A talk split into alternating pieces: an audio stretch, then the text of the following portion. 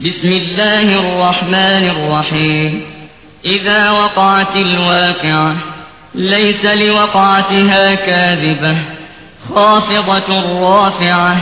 إذا رجت الأرض رجا وبست الجبال بسا فكانت هباء منبثا.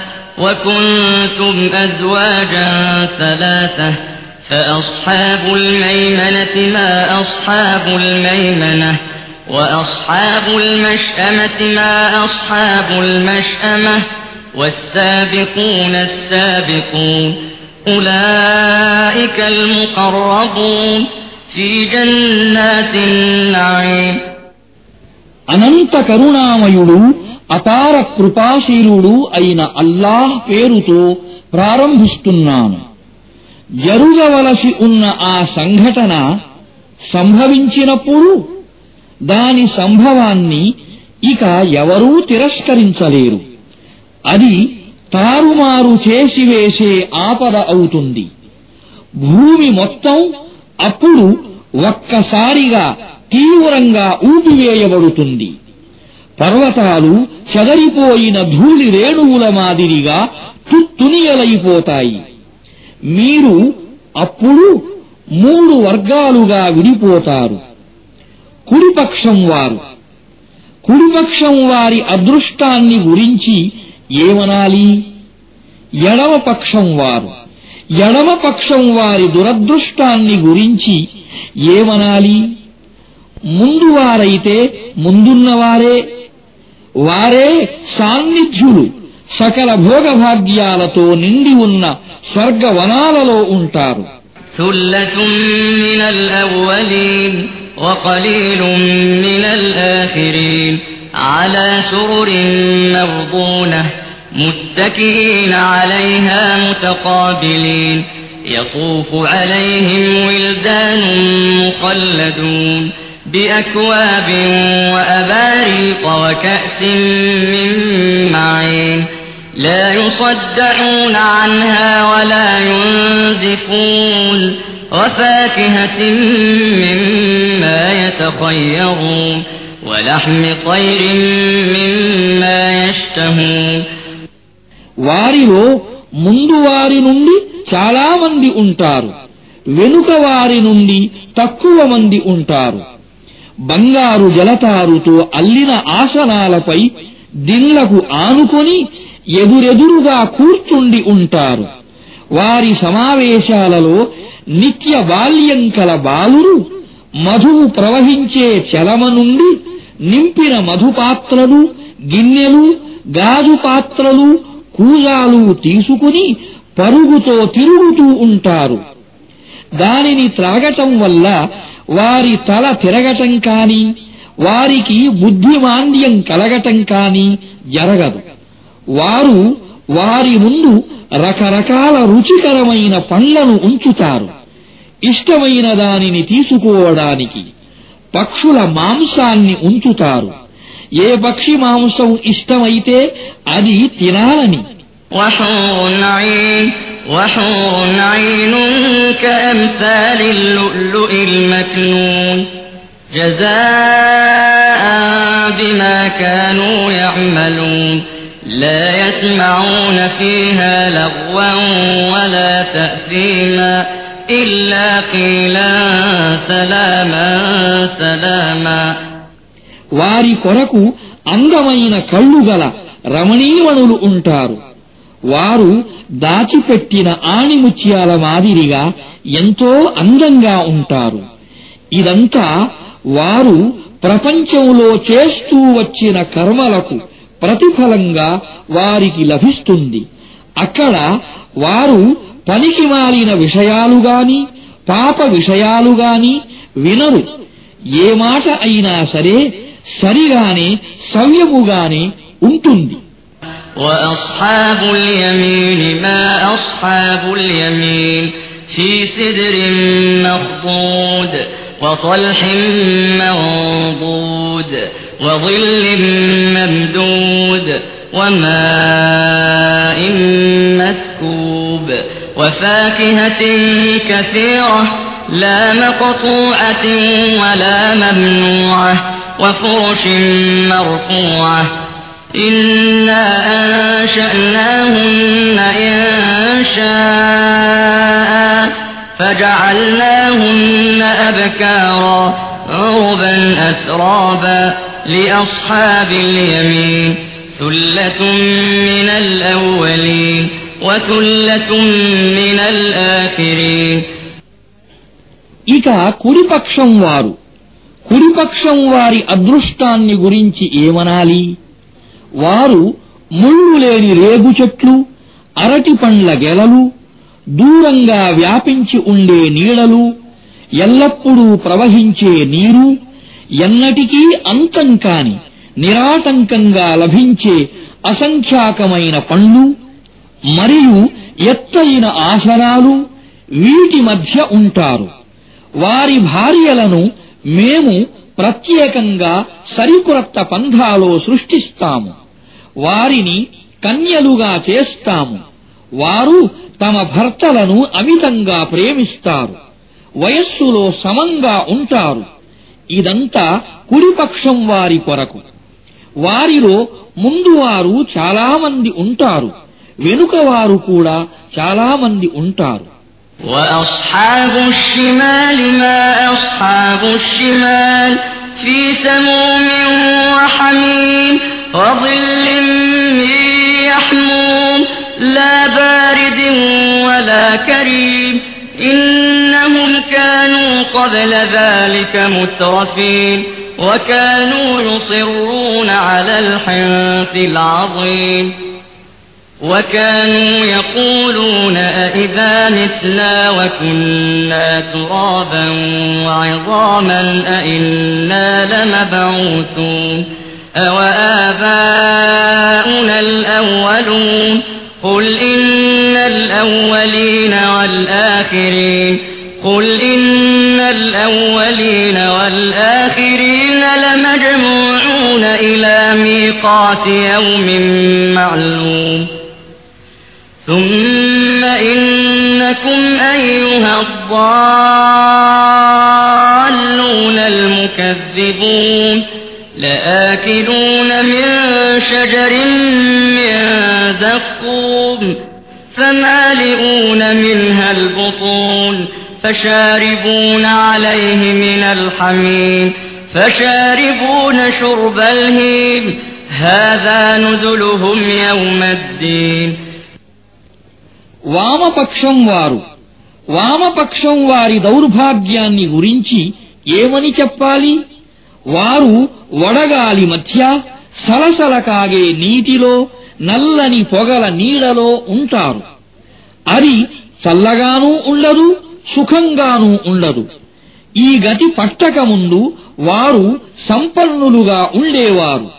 చెప్పినా వినకుండా మూర్ఖంగా మహాపాపాలు చేస్తూ ఉండేవారు. వారు ఇలా అనేవారు.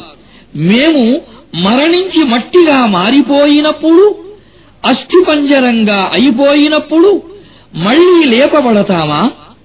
పూర్వం గతించిన మా తాత ముత్తాతలు కూడా లేపబడతారా?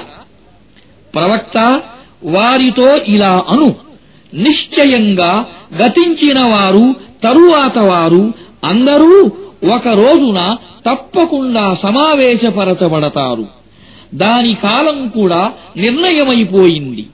మార్గభ్రష్టులారా తిరస్కారులారా మీరు జఖూం చెట్టును ఆహారంగా తింటారు. దానితోనే మీరు మీ కడుపులను నింపుకుంటారు. ఆపై సలసల కాగే నీటిని దప్పికగొన్న ఒంటల మాదిరిగా త్రాగుతారు.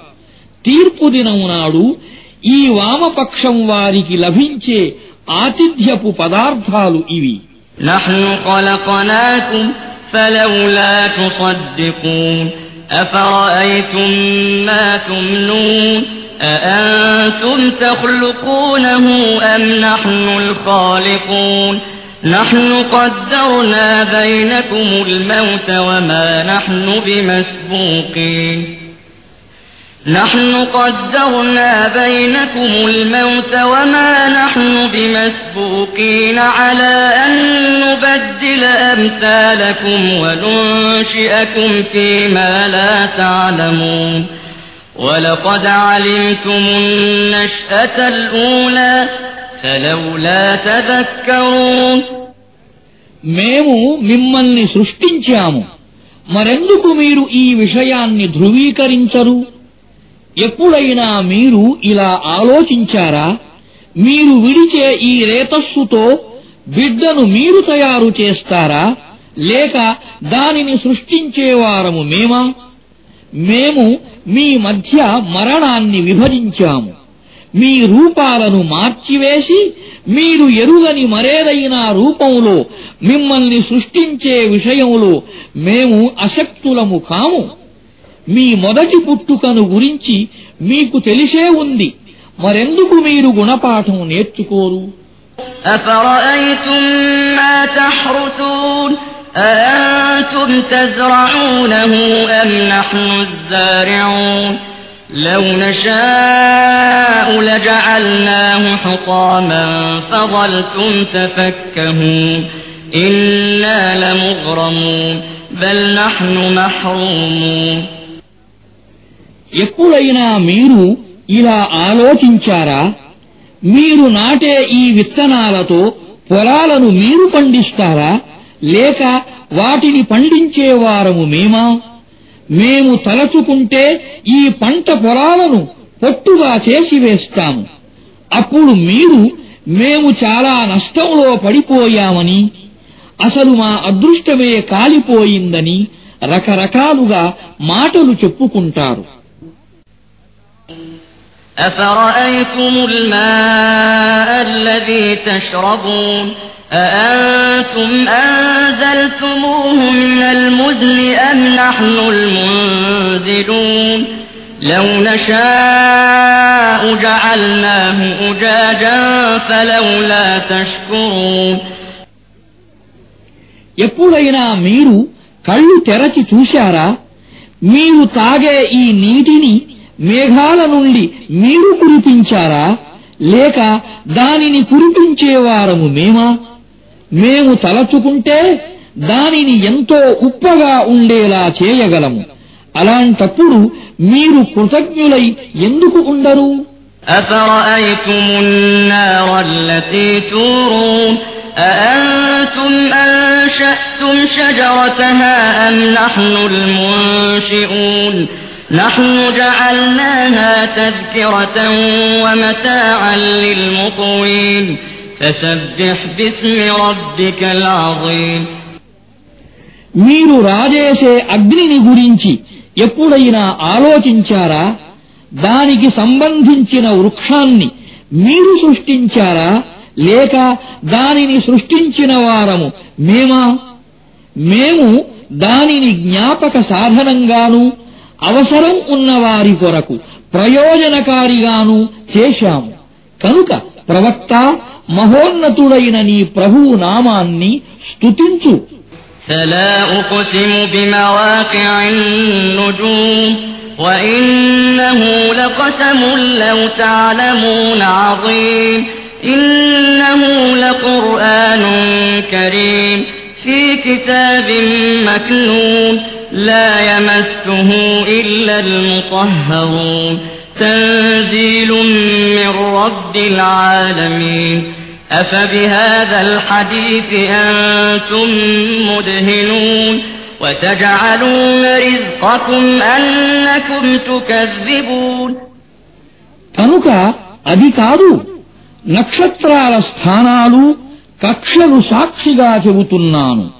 మీరు తెలుసుకుంటే ఇది చాలా పెద్ద ప్రమాణం ఇది ఒక మహోన్నతమైన హురాను ఒక సురక్షితమైన గ్రంథంలో వ్రాయబడి ఉంది. దానిని పరిశుద్ధులు తప్ప మరెవరూ తాకలేరు. ఇది సకల లోకాల ప్రభువు అవతరింపజేసినటువంటిది. అయినా మీరు ఈ వాణిని తేలిక విషయంగా తీసుకుంటారా?